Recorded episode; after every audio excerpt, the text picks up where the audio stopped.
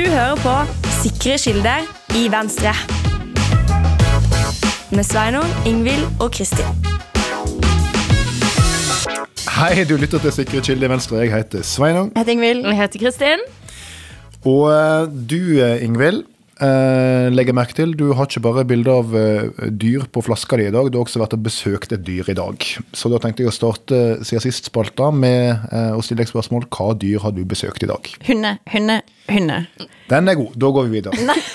Hvor har du besøkt de? Altså, eh, ikke bare har jeg besøkt hunder, men jeg har blitt redda av en hund, fordi jeg har besøkt norske redningshunder.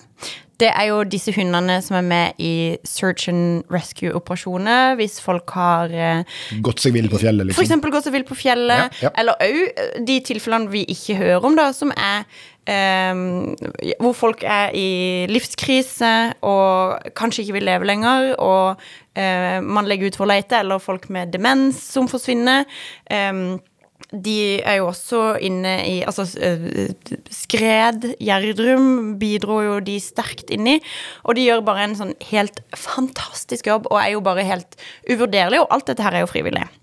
Så det som er greia, er at eh, disse menneskene med sine hunder, dette teamet frivillig, de bruker tre år på opplæring. Oi. Tre år på opplæring, og det var så imponerende. Eh, Så vi fikk jo eh, høre en del om organisasjonen, men vi fikk også være med på en trening hvor da denne hunden etter skulle finne med. Jeg gjemte meg inn i skogen. Ja, du har ikke noe imot å grave deg ned hvis du får en hund i trynet etterpå. Altså sånn Jeg, That's the dream. jeg er med på alt. Er, det er du det? Er det tilfeldig at du drar og besøker norske redningshunder for å promotere deg, og ikke norske narkotikahunder for å promotere deg? Altså for å si det sånn, Jeg har sett, jeg har sett eh, eksamen for narkotikahunder òg. Ja, På nettopp. Politihøgskolen. Støtter du det arbeidet de hundene gjør også? Ja, men hvis vi snakker om å skulle avdekke folk som eh, innfører celler og driver med organisert kriminalitet knyttet til narkotika, 100 Ok. Og dessuten er det ikke hunden sin feil, Svein òg. nei, det er jo ikke det. Ei heller fortjeneste. Uh, det er bra. Og du Kristin, hva har du gjort på siden jeg møtte deg i forrige uke? Nei, litt forskjellig. Jeg har feiret bursdag og møtt noen nye barn og sånn. Det er liksom sånn jeg føler alle folk i 30-årene alltid må gjøre. Det er det. Men um, eh, så har jeg begynt å se på Makta. Du har begynt å se på Makta. Ja. Cirka fire måneder etter at alle andre i Norge begynte å se Ja, på Makta. det er helt riktig. Være Er det fordi du skal være kontrær, liksom? Fashion Fashionably Ja. late. Nei, men jeg har begynt å se på Makta. Nå har jeg sett alt av Makta, så nå er vi Bra. like langt. På måte. Til tross for at du har brukt liksom tid på å gå og vente på neste episode. Så jeg bare hoppet over det. Ja, Binga det. Terningkast. Jeg syns det er veldig bra, altså. Eh, jeg mener Ja, det, det La oss si terningkast seks. Rett og slett. Ja.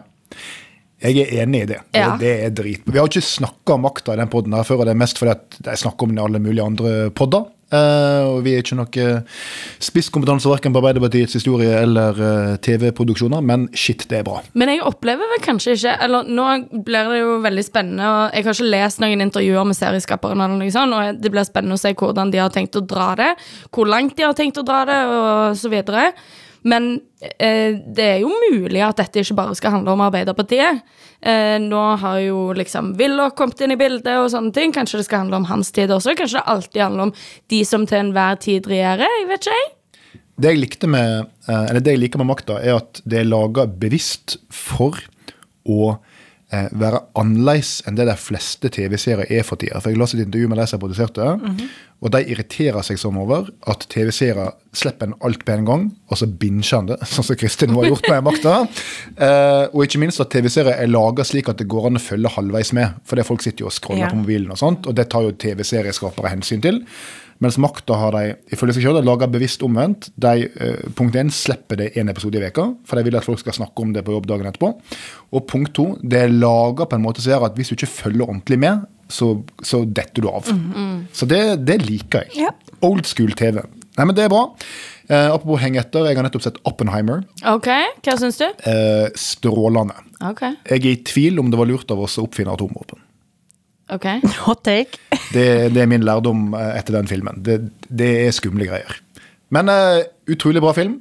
Uh, Det er jo en nordmann som er med, som jeg registrerte ble intervjua selvfølgelig, da Oppenheimer ble Oscar-nominert. Uh, For da er en nordmann Oscar-nominert. Han er vel med i ca. 50 sekunder til sammen i den filmen og snakker med sterk aksent uten noen særlig selvstendig personlighet. Men eh, Jeg har ikke sett denne filmen ennå. altså Jeg begynte jo litt å se på Makta, skal jeg innrømme, fordi at nå er jo Gro Harlem Brundtland valgt inn i bystyret. Eh, Og du er så- redd for å havne i en samtale med henne uten å vite noen ting? Det er helt korrekt. Og det gjorde jeg for rett før jul, etter siste bystyremøte. Så eh, snakka jeg eh, kort med henne, og da fikk jeg litt sånn skyldfølelse. Sånn Nå er det liksom en TV-serie som handler om deg. Og så har ikke jeg sett den. Nei. Fatter du? At det kunne bli litt kleint. Ja, det skjønner jeg veldig Ja. godt. Var det litt sånn for deg med denne norske personen? Har du møtt han? Han skuespilleren i eh, eh, Nei. Hvem er det igjen? Det er han, han hete da Fausa et eller Å annet. ja, Trond Fause, ja. Ja, jeg, tror det, jeg, tror, jeg tror det er han. Ja, Det er han. Jeg bare kom ikke på det. there you go. Bra, da har dere gjort det. Jeg for min del siden sist. Jeg har også vært i bursdag. Jeg har vært i bursdag til partiet Venstre. Yes! 140 år, gratulerer. 140 år. Jeg har også vært i 115-årsbursdag til Unge Venstre, eh, som er ungdommen her på huset. Eh, vi hadde gallamiddag på lørdag. Grand Hotell. Uh, fancy. Ja. Ja, ikke peak venstre. Men eh, det er viktig å prøve noe nytt òg. ja. Vi prøvde jo danskebåten på strategisamling for litt siden. Nå har vi Da var prøvd det jevna ut. Ja, Det skulle jeg nå tro tilsynelatende, men jeg vil si at likskapene mellom Grand Hotell og danskebåten er flere enn du tror. Teppe på gulvet. Teppe. Interiøret er ganske likt. Ja. Eh, eh, Personalet er ca. like proffe. Eh, Maten Men det er ikke fordi du mener at de er veldig proffe på danskebåten. Det var ikke en diss. Det kunne høres ut som en diss. Nei, det er litt begge deler. Oh, ja, okay. Jeg vil si at Det Hvordan er jeg danskebåten jeg gnokkien på Njokken på Grand Hotel fikk vi ikke prøvd, men vi får prøvd litt andre ting. Det var kjekt. Eh, tidligere Venstre-ledere var der og holdt taler. Det var altså så stas. Blant annet Randi Pierre, som var fungerende venstreleder i en periode tidlig 90-tallet. Ja, hun leda oss gjennom 1991-valgkampen. Da Venstre hadde 1,6% på eh, målingene. Og ganske mye gjeld. Ganske mye gjeld. Måtte ha kronerulling for å kunne ansette en person til å drive valgkamp. Eh, Var det da vi pantsatte ven Venstres hus? Nei, det var to år tidligere. Ah, ja. Ja. Dette var liksom the dark ages da, i Venstres historie. Da var, da var det mørkt. Og det som var kult med Randi Pierre sin tale, hun var da fungerende leder det året fordi den faktiske lederen i Venstre ble sjuk, eh, så hun måtte steppe inn i valgkampen eh, og redde oss inn til et valgresultat på 3,7 eller et eller annet sånt. Det er jo dobling. Ja, da. Ja, det var en slags seiershistorie, det her, da. Men dette var liksom de mørkeste tidene i partiet. Det var sånn ute av Stortinget, ingen penger. Holdt på å si ingen framtidsutsikter, iallfall ikke så veldig sterke. Eh, men jaggu, det gikk bra. Overlevde 91, kom inn igjen på Stortinget i 93, og her sitter vi. Mm, her sitter vi. Her sitter vi. Så Her eh, sitter jeg. we're not going anywhere. Vi, til alle dere nykomlinger der ute som tror dere skal slå dere opp, vi var her før dere. Vi kommer til å være her etter dere. Og det gjelder i særskilt grad Industri- og Næringspartiet. Du, hva fader skjedde med Industri- og Næringspartiet? Vi snakka jo litt om dette i forrige podkastepisode. Ja.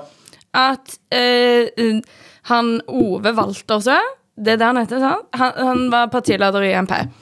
Så hadde det vært et landsstyremøte som hadde vedtatt, eller i hvert fall etablert, at de hadde ikke noe tillit til han som leder. Det var det landsstyret han mente ikke eksisterte. Så Ja. da mente han at landsstyret ikke eksisterte. Korrekt. Eh, og så Nå har han gått av som leder. Ja, han har liksom gått av frivillig da, etter det. Eh, Ja. gikk av eh, frivillig, more or less, forrige uke. Ja. Riktig. Det har selvfølgelig ingenting med at det Ikke fiktive landsstyret ikke har tillit til han å gjøre. Kan jeg umulig tenke meg. Nei, men han har gått av, og så har han etablert et nytt parti. Ja, og det tenkte jo mange av oss at det kommer til å skje. Jeg trodde ikke det kom til å skje i løpet av 48 timer, men det skjedde. Så nå har vi fått et nytt parti, folkens. Det heter ikke Industri- og Næringspartiet. Det heter Det, Det Norske Norske Industriparti. Så nå er næringspolitikken forlatt, og industripolitikken står igjen. Men jeg forstår det sånn også at eh, så har eh, det, det, dette gamle partiet, altså INP, de har sagsøkt, holdt jeg på å si, ikke det, men klaga inn det nye partiet for å ha et navn som ligner for mye på de sitt parti, fordi at partiloven sier at um, man har ikke lov å ha navn på partier som gjør at de til forveksling Eller kan forveksles. Det er riktig. Og det er det gode grunner for. for Hvis partinavnene er for like, så kan jo jeg, eh, folk spekulere i det og sabotere andre partier ved å stille til valg med partinavn som er veldig like. Så det får bli opp til partilovnemnda da, å avgjøre om dette er for likt. Men hva syns du? Altså, Industri- og Næringspartiet, det norske industriparti Jeg syns jo at det er eh, omtrent like ulikt som Venstre og Sosialistisk Venstreparti. Ja, Det blir jo en veldig sånn skjønnsmessig vurdering, kanskje, da. Um, nei, Jeg, jeg veit ikke helt jussen i dette. her. Jeg ville tenkt at det er for likt. Er det fordi du egentlig ikke er advokat, sånn som Sindre Finnes egentlig ikke er siviløkonom? Nei, det, det, jeg, jeg er ikke advokat. Jeg er Nei, bare, bare jurist. Beklager. Men jeg går ikke rundt med noen sånn ring som viser at jeg eh, har mastergrad, eh, i motsetning til eh, Sindre Finnes. Men du har mastergrad, i motsetning til Sindre Finnes. Stemmer. Eh, Men tilbake til Det Norske Industriparti. Vi ønsker jo lykke til, selvfølgelig. Vi heier på denne utviklinga. Veldig bra. Jo, men altså, sånn. jo flere sånne partier som finnes, jo mer liksom, mindre, mindre risiko er det for at noen av de havner over sperregrensa. Ja. Vi er jo selvfølgelig for at enhver må få lov til å uttrykke sitt politiske engasjement i å stille til valg og stille et nytt parti, hvis de så vil. Eh, Litt mer skeptiske til folk som eh, eh, finner sammen, primært fordi at de mener at eliten ikke fungerer og alt er bare dårlig, men ikke er enige om hva alternativet skal være. Da kan de like gjerne dele seg opp i flere partier. Og det har de nå gjort, så gratulerer til dem. Vi skal til dagens første sak. Og dagens første sak, det er NIPT-test. NIPT-test. Og da vil jeg spørre eh, talsperson eh, Ingvild Thorsvik, hva står NIPT for? NIPT-politisk eh, talsperson. NIPT politisk talskvinne. Ja, så perfekt. Altså, dette er jo da en eh, blodprøve som du eh, kan ta når du er gravid, for å sjekke om fosteret har kromosomavvik. Da er det sånn at hvis du er over 35, så har du kunnet fått det eh, finansiert gjennom det offentlige helsetilbudet. Og så har jo da regjeringen i november i fjor så sendte de ut et høringsnotat eh, hvor de sier at eh, ok, vi vil at eh, også de under 35 skal kunne få utført testen på offentlige sykehus, men de må betale sjøl. Eh, grunnen til at de vil gjøre dette, er de oppgir flere. Blant annet så sier de eh, at eh, de vil hindre at helsepersonell starter hos private. I tillegg til at disse private er visstnok da ikke tilgjengelig over hele landet, mener de. Men det som er gjør at dette liksom faller litt, da, er jo at de legger til grunn en egenandel. Og de legger til grunn en egenandel på 10 000 kroner.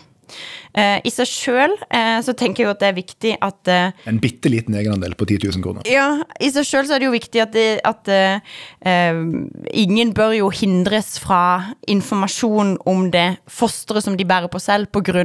økonomi.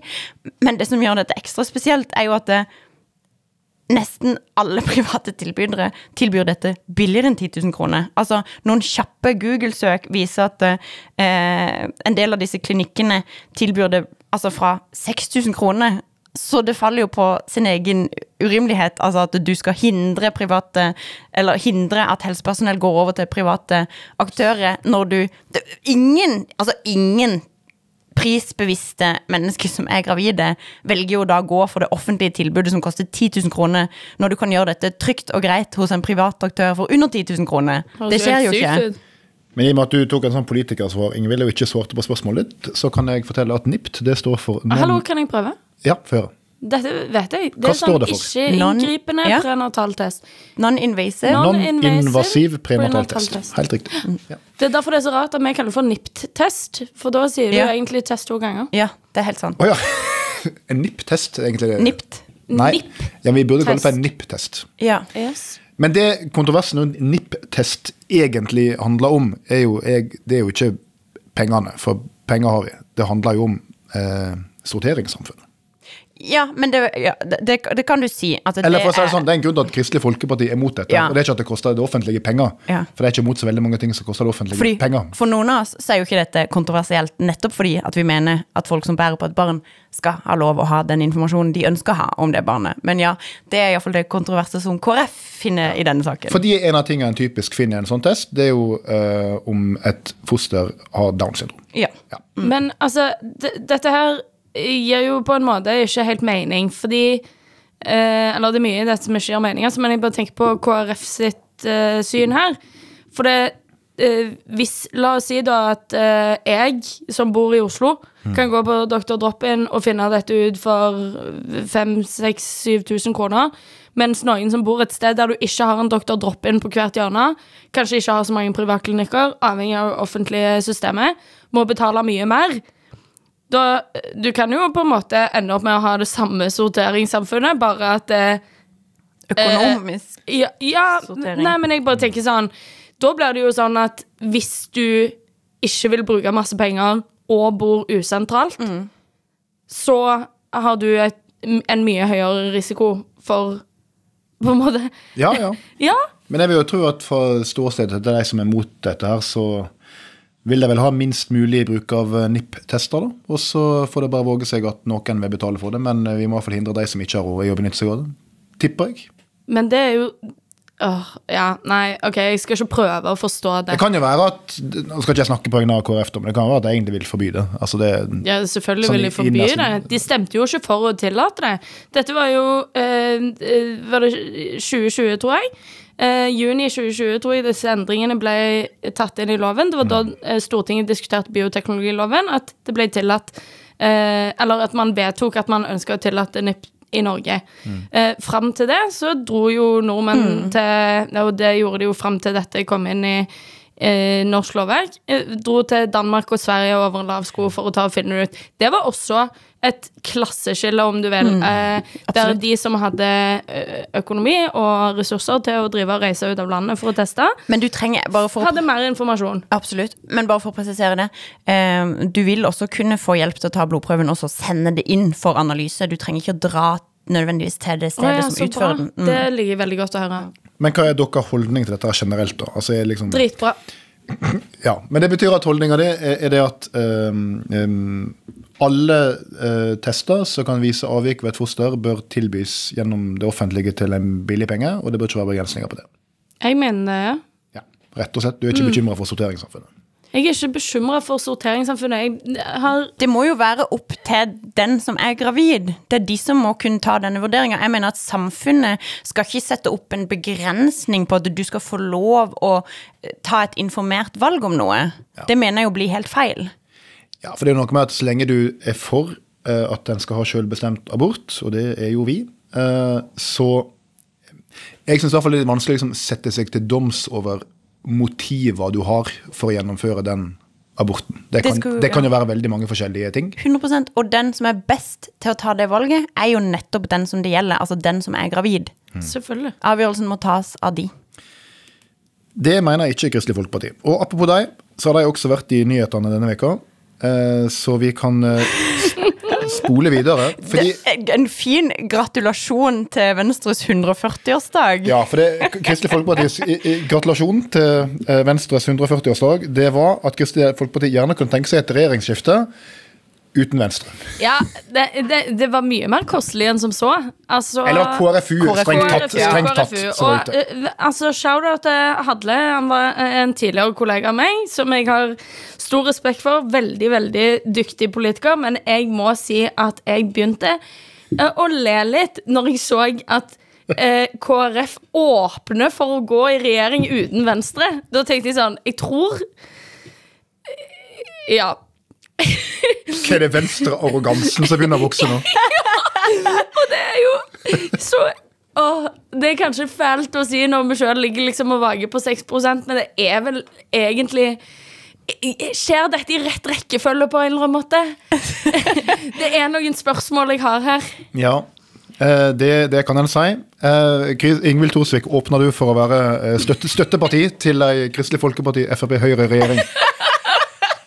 Altså, jeg må jo si at jeg syns den som hadde de beste svarene på disse utspillene, var jo Arne Breivik, som svarte noe så enkelt som at uh, jeg er ikke så opptatt av hva KrF mener om Venstre inn i et regjeringssamarbeid. Hun hadde en veldig avslappa holdning til det hele, og det må jeg vel si at det, det har jeg òg. Men jeg syns jo det er interessant, altså dere hørte jo sikkert også på den politiske kvarterien mellom Hadle og Arne forrige uke, hvor altså sånn KrF, eller KrFU da, nå heller vil klistre seg opp til Frp enn Venstre. Altså Det sier jo litt om på en måte eh, hvilken retning partiet har gått av de siste årene. Men gjør det egentlig det? Altså, eller har jeg Altså, eh, mitt syn på KrF er at KrF er stokk konservativt.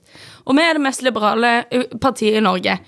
Det som er viktig for KrF, det er en del sånne viktige markørsaker innenfor det som jeg vil kalle for konservativt som bare det.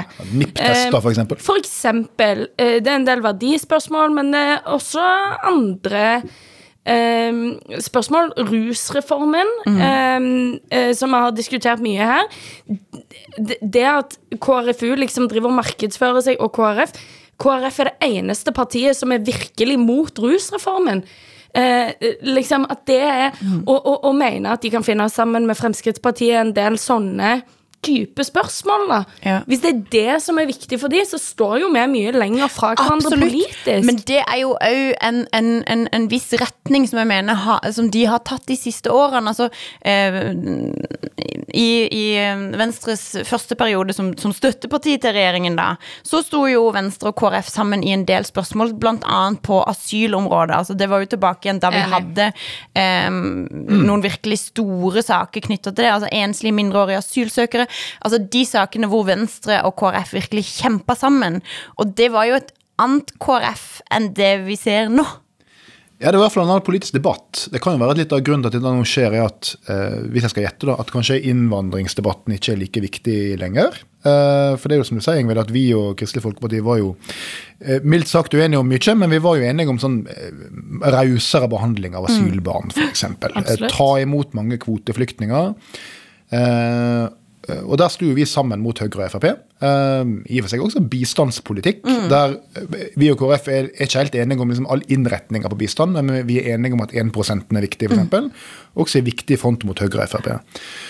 Men det som var litt eh, så, så det som har skjedd, er kanskje at i hvert fall innvandringsspørsmål er ikke like viktig lenger. Kanskje har KrF beveget seg litt også. Altså Når du sier like viktig lenger, så mener du i samfunnsdebatten, ikke for oss.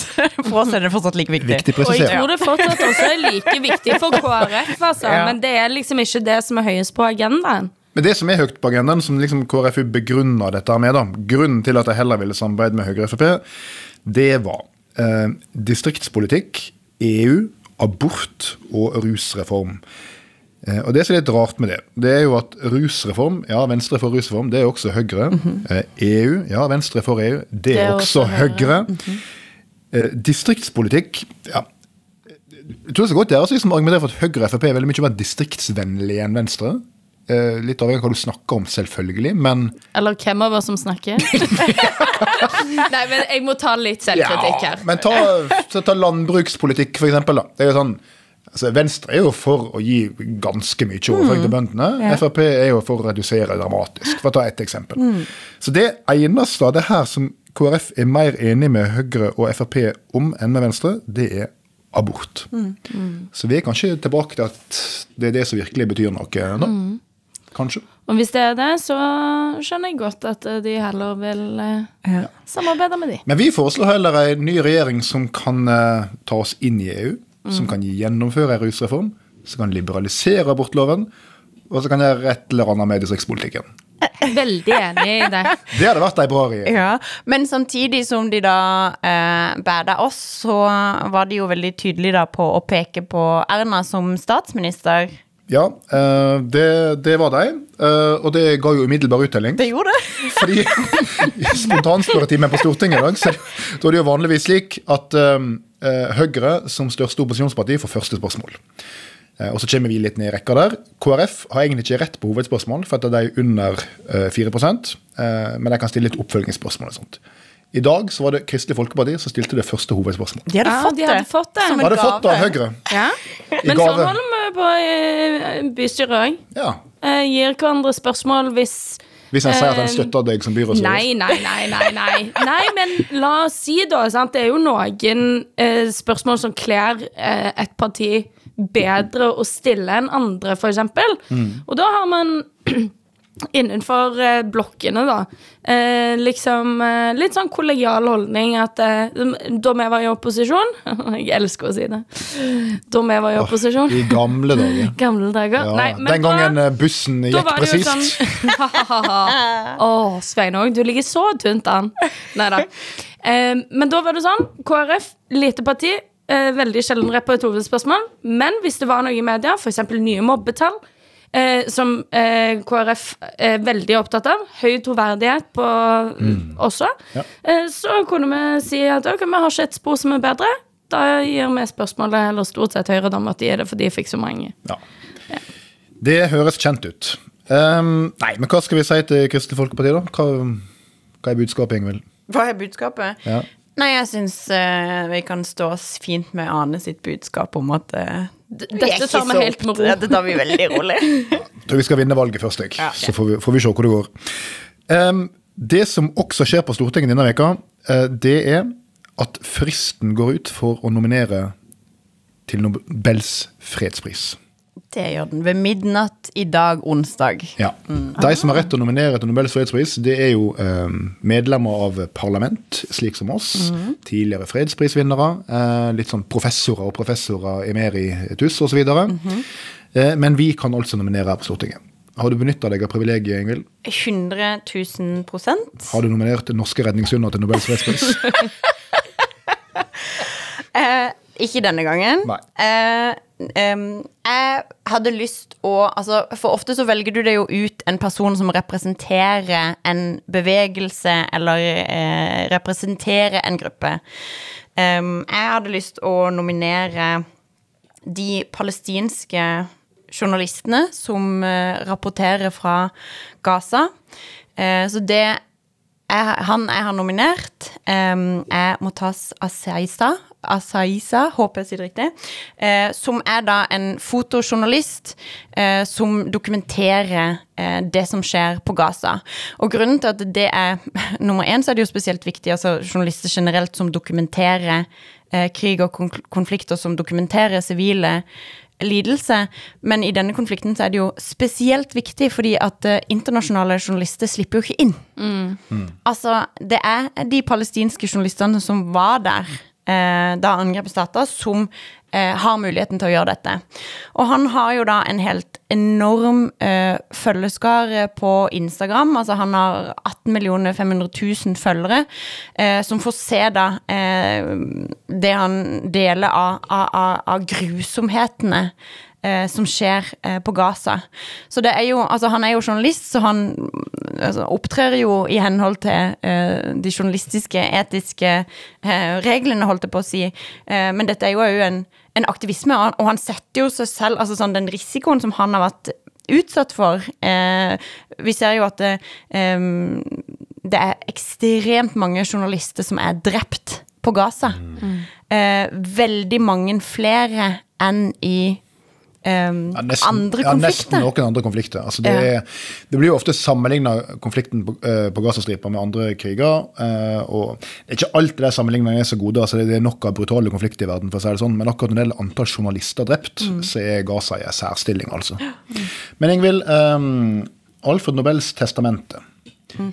Uh, fredsprisen den skal jo gå til sitat, den som mest eller best for folkens forbrødrende og avskaffande eller minskning av stående armeer, samt bildende og spridende av fredskongresser. Det er den som skal få Nobels fredspris. Altså den som eh, i siste året på best mulig måte medvirker til forbrødring mellom folk, avskaffing av stående armeer, eller å bygge og spre fredskongresser. Har denne journalisten på Gazastripa gjort det? Ja, men jeg vil jo si at det å dokumentere eh, både for samtiden, men også for ettertiden, det som skjer i en konflikt, er en ganske sånn grunnleggende verdi i demokratiske samfunn. Altså, eh, bare la meg eh, stille spørsmålet her, eh, Sveinung. Ja. Eh, Spør du om dette fordi du har nominert en konkurrent som du opplever at bedre liksom ivaretar det som står beskrevet i formålsparagrafen her? Jeg vil ikke strekke det så langt. Nei? Eh, Men det er mest fordi at det er, eh, det er ikke mange av disse fredsprisene de siste 100 åra som egentlig passer så godt inn i den formålsparagrafen. jeg, jeg må innrømme at jeg skjønte ikke Nei, så Den veldig blir mye Den blir tolka ganske utvidende i lys av sin samtid. Ja. For interesserte rundt dette så kan jeg anbefale boka Geir Lundestad, 'Rest in Peace'. Eh, Mangeårig sekretær for Nobelkomiteen har skrevet om Nobels fredspris. Svært god bok. Men jeg har nominert noen, jeg òg. Fortell. Ok. Jeg har nominert uh, ICJ, Ja. FN-domstolen. Eh, rett og slett International Court of Justice Mhm. til Nobels fredspris. Også en verdig nominasjon i aller høyeste grad. Ja, eh, og de har jeg nominert fordi jeg mener at den internasjonale rettsorden, eh, krigens folkerett, eh, forbud mot folkemord, alt dette her, konvensjonene som den domstolen forvalter, er mildt sagt under press. Og jeg mener at den internasjonale rettsordenen er ekstremt viktig for å både hindre krig, og ikke minst å, eh, og å dempe krigens konsekvenser. Eh, og da er jo ICJ et viktig organ denne domstolen er et viktig organ å støtte opp om.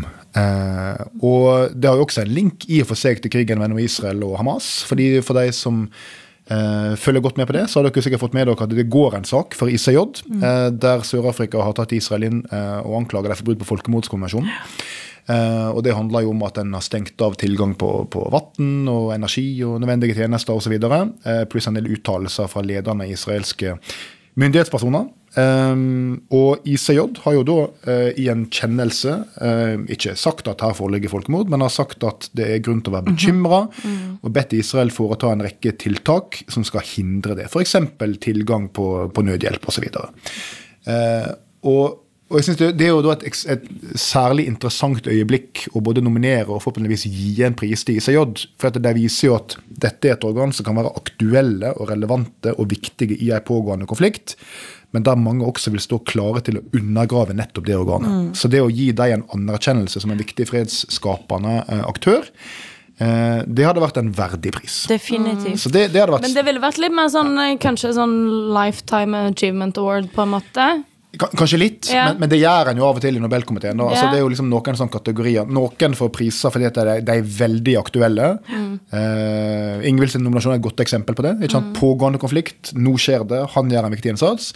Mens en del typisk sånn FN-organ og sånt, som av og til får priser, eller EU for den saks skyld, får du jo både med bakgrunn av noe som skjer nå, men også gjerne med at dette er viktig over tid, Mm. og viktig å forsterke framover. Så ja. Og i den forbindelse har jeg et innspill, fordi at akkurat nå så skjønner jeg at um nå er det så mye uro i verden at det er helt andre kandidater som det siste året har gjort mer og sånn.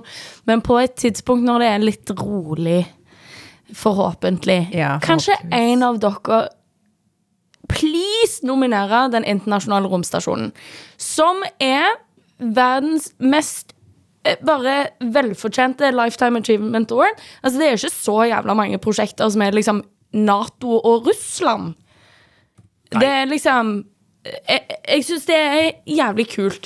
Altså, jeg, Foreslå det. Jeg har hatt dem på lista, eh, og har vurdert det flere ganger. Eh, sammen med Melodi Grand Prix, eh, så klart. Oi. Eh, og jeg har valgt å ikke nominere dem hittil. Det er litt pga. den pågående invasjonen av Ukraina osv. at jeg syns det er litt det jeg, jeg Det er var for, det jeg mente, men når det er roligere ja, jeg, jeg er for at Russland, USA og resten av verden samarbeider om romfart, men akkurat nå er det litt, litt krevende, kanskje. Ja. Så da får det bli Grand Prix. Nei da. Det blir Den internasjonale domstolen. Ja. Men det er jo også eh, For det er, du er ikke den eneste som kommer med innspill. For det er også eh, For du er jo de e-postene av sånne menn, som regel. Som har et sterkt fredsengasjement. Ja, som, ja, som sender mail og ber om at vi skal nominere de. Hæ?! Ja, det har ikke jeg fått! Jeg har, ja, jeg har fått flere hvor de sender CV-en sin, og de sender hvorfor de fortjener Nobels fredspris. For hvem da? Er det kjente folk? Nei, eh, eh, så vidt jeg, de, de skriver ofte på, på engelsk, så vidt jeg har sett, så er det ikke Ja, for alle parlamenter i verden kan nominere. Ja, er det sånn? jeg tror, ja, jeg tror det. At alle parlamentarikere. Mm. Så, men, eh, og hvem andre var det du sa du? Nei, sånne professorer og sånt. Professorer. Ok. De er, jo tru, de er jo truende til å nominere seg sjøl, faktisk. Ja. En del av dem. Det er Så sikkert er det ikke bare professorer innenfor gitt område, Jo, juss, jo. historie, sånn her type ting? Ja, ja, Du må ikke komme med noen sånne der, matt-natt-grad, altså. Jeg tror du kan nok om fred. Det kan du bare glemme. Så eh, Oppenheimer han kunne ikke nominert noen som helst, for han var professor i, i fysikk. Ja. Kvantefysikk, faktisk. Det er det vi har eh, foretatt oss. eh, Og apropos folk som fortjener heder og ære, så kan vi bruke de siste minutta til å minnes en stor mann, stor osloboer, sa som har gått fra oss. Lillebjørn Nilsen, eller Bjørn Falk Nilsen, som han egentlig heter. Eh, og eh, Kristin, du som representerer Oslo kommune. Yes. eh, hvordan eh, tenker dere rundt dette her? Ja, nei, altså Det ble jo ingen statlig begravelse på Lillebjørn Nilsen. Nei, det skal, jeg si litt om, for å si det sånn. Fordi det er selvfølgelig en enorm feilvurdering fra SMK, som er de som driver og vurderer dette. Yes, Altså, Statsministerens kontor. Nilsen er en av de aller største. Eh, og han er ikke minst uh, uh, en av de aller største i Oslo. Han har jo vunnet St. Halvard, som er Oslo kommunes høyeste utmerkelse, som deles ut på din bursdag hvert år. Oslodagen 15. mai. Eh, han har også vunnet selvfølgelig Kulturprisen og full pakke, og han eh, eh, har jo formidla Oslo gjennom musikk i veldig, veldig mange år. Eh, I tillegg så er det jo mye av hans musikk som har blitt brukt når denne byen har stått i kriser, eh, for å skape fellesskap og og, og si bygge lag og komme styrka ut eh, på andre siden. Sånn at eh, når eh, staten eh, gjør sånne enorme feilvurderinger som dette, så er det på sin plass at Oslo foreslår å tilby å begrave han på kommunens regning. Yes. Yes. Begraves på kommunens regning. Yes. Er det litt sånn buss for tog hvis du er kjendis? Nei, du, det, det vil jeg overhodet ikke si. Altså Men hva med begravelse på fylkeskommunens regning? Er det et alternativ? Fylkes Oslo er både kommune og fylkeskommune i oppgaver. Det er sant. Eh, så Nei, men du, det- dette er stas. Det er bra, bra dere stepper opp og tar ansvar. Absolutt. Tøft. Eh, Og skulle bare mangle, på en måte. I tillegg så markerer jo Oslo rådhus eh, eh, Lillebjørn med både å spille eh, God natt Oslo hver kveld fram til begravelsen. I tillegg til at det er egen eh, Lillebjørn-konsert på lørdag fra Klokkespillet.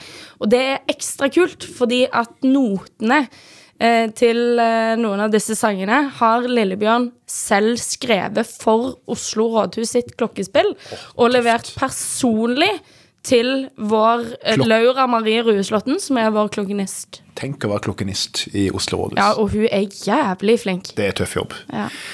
Eh, jeg er enig i at Lillebjørn Nilsen er en eh, stor Oslo-artist. Nasjonalskatt Men også, også nasjonalskatt, Ja. både fordi Oslo er en del av Norge.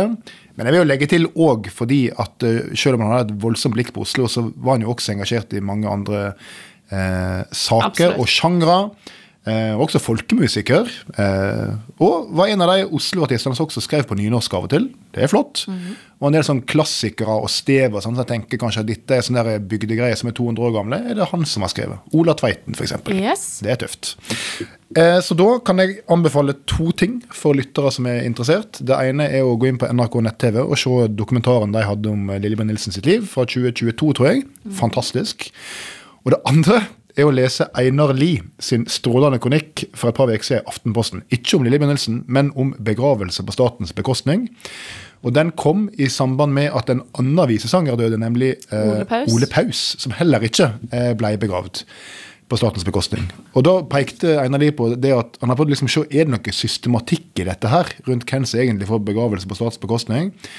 Og kom fram til at nei, det er i grunnen ikke det. Dette virker rimelig vilkårlig. Eh, helt skjønnsmessig beslutning fra statsministerens kontor. Eh, og hans forslag er at det kan vi i grunnen bare slutte med. Fordi at det som nå skjer, er jo at du får push-varsel hver gang noen ikke blir begravd på Yes. statens bekostning. Så jeg fikk det på telefonen min denne veka. Lillebjørn Nilsen begraves ikke på statens regning. Og så blir det en slags sånn fornærmelse. Så eh, jeg er i grunnen begynt å bli mer og mer enig med han at det der kan jeg kanskje slutte med.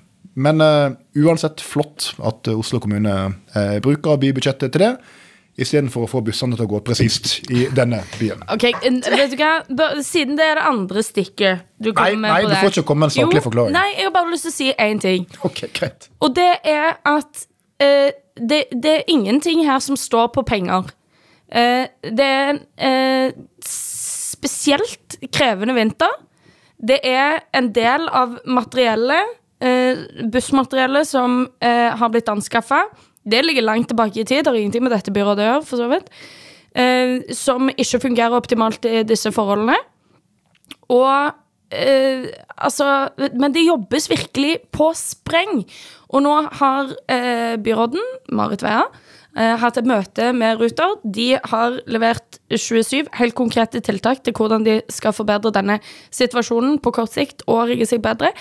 Eh, og hun følger denne situasjonen meget tett. Og eh, så bare Det, det, det, det er ikke noe mer Hun har min fulle tillit. Ja, Min også. Det er bra. Da har vi et tydelig budskap. Den offentlige innkjøpspraksisen må bli bedre. Vi har 27 konkrete tiltak til forbedringer, og følger situasjonen nøye. Helt riktig. Hører dere det, passasjerer der ute? Følg med. Det var det vi skulle Hvorfor har du blitt så bitchy på dette? Har du blitt personlig victimized av Ruter? Fordi nå er du i maktposisjon, og makta skal utfordres. Ja da. Ja, Nei, det er det. Det er gang. bra, det. Det er bra, det. Ikke la meg slippe unna. Jeg sier mye rart, altså. Du har hørt på Sikkerhetskilde i Venstre. Takk for oss. Ha det. Bare det.